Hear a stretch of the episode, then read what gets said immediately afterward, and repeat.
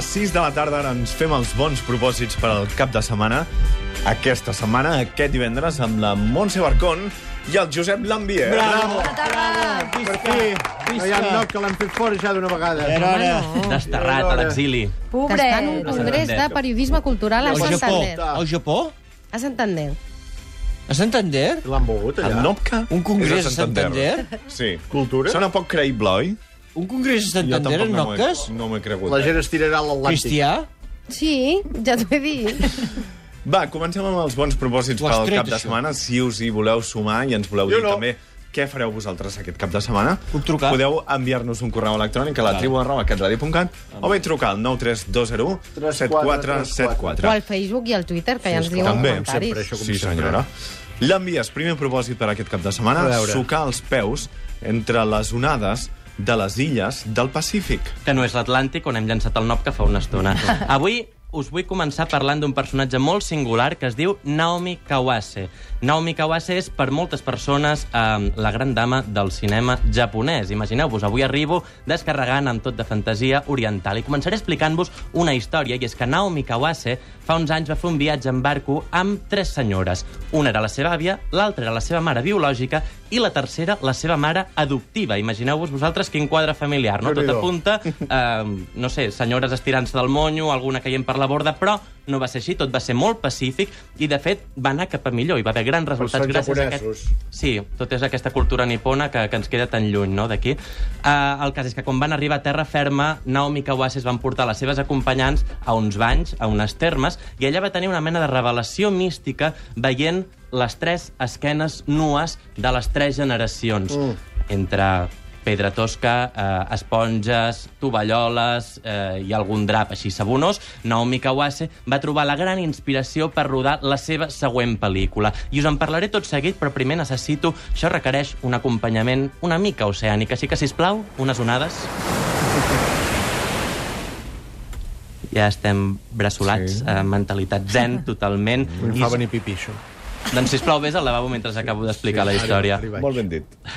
Uh, el cas, aquell viatge no va acabar en aquelles termes, o més aviat uh, la gran història va començar en aquelles termes quan l'àvia de Naomi Kawase li va explicar una cosa que no sabia i és que la seva família, els seus ancestres, venien d'un illot uh, d'un poblat d'un illot que es diu Amami Oshima, a l'arxipèlag de la Satsunan. I Naomi Kawase, que és així molt de la cultura dels ancestres, dels avantpassats, va decidir que tan bon punt acabés el seu creuer, agafaria un avió per visitar la terra on la seva família tenia les arrels. I allà es va trobar un territori amb una jungla fabulosa, tot d'animals, un mar brau eh, sempre sotat pels tifons i uns individus que no deixaven de retre culte als déus de la natura, una mena de cultura panteísta, es tatuaven animals, es tatuaven herbes per tot el cos, i allà va decidir començar a escriure el guió de la que seria la seva següent pel·lícula, que es diu Aguas Tranquil·les, i que avui, justament, arriba a les nostres cartelleres. Oh, que bé ho fas. Però la pel·li va d'alguna...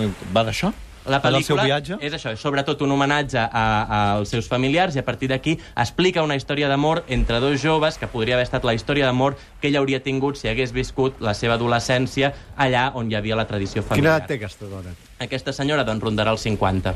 I has dit que eh, la- els seus ancestres venien d'un arxipèlag que es deia Satsunan. Exactament. És que jo això no sé ni on és. Al Pacífic. Busco, Pacífic. busco. Aguas Terra del Pacífic. He Kawase... estat. No Ah, recordo. es, jo no ho havia sentit mai. un l'arxipèlag de la anar. Aguas tranquil·les es diu la pel·lícula Tres dies, eh, vaig japonesa. estar-hi. A l'Atlàntic t'enviarem a tu també. Sí, no me'n recordo si vaig... Tres dies vau anar Això meva dona ho sap contestat. amb l'inserso. No, no, no, no, no, no Pròxim propòsit per aquest cap de setmana, Barcon, tornar a ser petits. Era un drac màgic que vivia al fons del mar. Però el sol s'avorria molt una i piscina. sortia jugant. I aquesta setmana m'ha passat una cosa en el teatre, que he estat molt contenta i molt trista al mateix temps. Vaig anar al Círcul Maldà a veure Aquellos días azules de Marc Artigau amb Robert González, Jordi Llobet, Jordi Llobet perdó, i Joan Soler. Sí. I vaig estar molt contenta perquè l'espectacle és una delícia. És un text poètic i divertit, amb uns actors barra cantants barra músics que tot ho fan bé. Fins i tot servir la cervesa prèvia. I vaig estar molt trista Els perquè érem... actors et posen la cervesa? Sí, els mateixos. Just abans de començar, que he pensat, però no Està estàs nerviós, que estàs a punt de començar. Sí, sí. Eh, té noia, té carinyo, una cerveseta, i vinga. I de sobte es posen a cantar, tot et toquen el clarinet, l'harmònica, et reciten un poema, un conte, ho fan espectacular.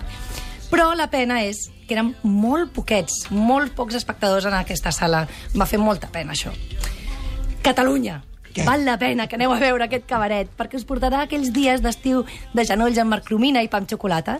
I si sou de la meva nostra generació, els referents us faran riure. Quina I us... generació ets tu? La nostra, la, la joventut eterna. Soc del 75. Això vol dir que faré 40 anys el mes de juliol. 40. Una, no, una joveneta, no? Impressionant. Miren perquè no s'ho creuen, jo, jo tampoc m'ho crec. doncs aquests referents us els, portaran a aquells temps, però si no sou d'aquesta generació no passa res, perquè no es queden només a l'anècdota. Hi ha moltes més capes que la pròpiament superficial. Creieu-me i aneu a veure aquest potet de bona confitura, on trobareu cançons, humor, poesia i, qui sap, si una mica de nocilla. Molt bé, Molt aquelles bé. dies azules de Marc Artigau al Círcul Maldà i si aneu ja sabeu que us serveixen la, uh, cervesa els mateixos actors. Perfecte. L'envies pròxim propòsit per aquest cap de setmana, obrir la porta al soldat desconegut. Oh, sí. Aquest soldat ve de l'Afganistan, és un vera- així? veterà de guerra i arriba amb la motxilla a l'esquena eh, i alguna ferida que encara no ha acabat de cicatritzar. Pica a la nostra porta. Tu li obres... Gràcies, Toriguera, per fer-me l'acompanyament sonor. Li obres la porta, et diu que el teu fill va ser tocat per una bala i que va morir en plena batalla. Colló. I tu plores, i el soldat et consola, i t'abraça, i t'acompanya fins al sofà, i fa el paper d'aquell fill que has perdut, i abans no te n'adonis ja el tens a la cuina menjant-se els teus pancakes mentre tu li rentes els calçotets. Ell està convençut que s'ha guanyat el teu amor i encara que tu no ho tens tan clar, li dones llit i ranxo cada vegada que fas un estofat. I sembla que amb això encara no en té prou, Ai, aquest ai. soldat. Disculpe, señora. No habrá visto a alguien que se parezca a este hombre, ¿verdad? Este es... eh, David. I David és Dan Stevens, un àngel exterminador que porta pistoles al cinturó. Segons un amic meu, queda a mig camí entre Jean-Claude Van Damme i un malvat de Melrose Place. I la veritat és que ja estic bastant d'acord. Sí. Eh, no s'ho pensa ni dos segons i ja està passant-se per casa, en tovallola, ensenyant-te uns braços que saps que si et foten un clatallot et faran caure com a mínim un ull. Aquesta pel·lícula podria ser una pel·lícula de terror, podria ser un thriller vuitanter, podria ser un drama psicològic, la història d'un intrus tipus l'oncle Charlie de l'ombra d'un dubte, o bé la pel·lícula d'un vampir que obre la finestra i es cola a la teva habitació per xuclar-te tota la sang de la jugular. Si en voleu saber més, jo no us explicaré perquè seria un spoiler cada nova frase que digués, el que heu de fer ara mateix és anar al cinema, des d'ara mateix, perquè ja ha arribat a les nostres cartelleres l'última pel·lícula d'Adam Wingard que es diu The Guest. D'aquest, Yeah. una de les estrenes d'aquest cap de setmana que us posarà els pèls de punta segons el l'envies. I últim propòsit per aquest cap de setmana, Barcon, reconèixer, acceptar i assumir que no ens agrada treballar. Je ne veux pas travailler. Je ne veux Fer de mascota a l'Expo de Milano. Pelar quilos i quilos de gambes un estiu. Soc community manager, compto likes al Facebook. Camello del amor, vendo condones de todo tipos, de tamaños y colores. Soc autònom. Presentar un programa de ràdio. Treballar amb el cabron del meu jefe i que aquest sigui el meu sogre. Cabron? Le ofrecemos un maravilloso servicio de limpieza de nichos en el cementerio de Montjuïc.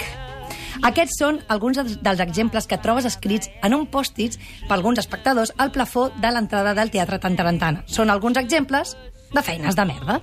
La premiada companyia La Calòrica es pregunta per què li dediquem la part més important de la nostra vida a la feina, quins són els símptomes de l'avorriment laboral i per què decidim treballar més hores en lloc de renunciar a les últimes novetats de joguines, roba o telefonia mòbil.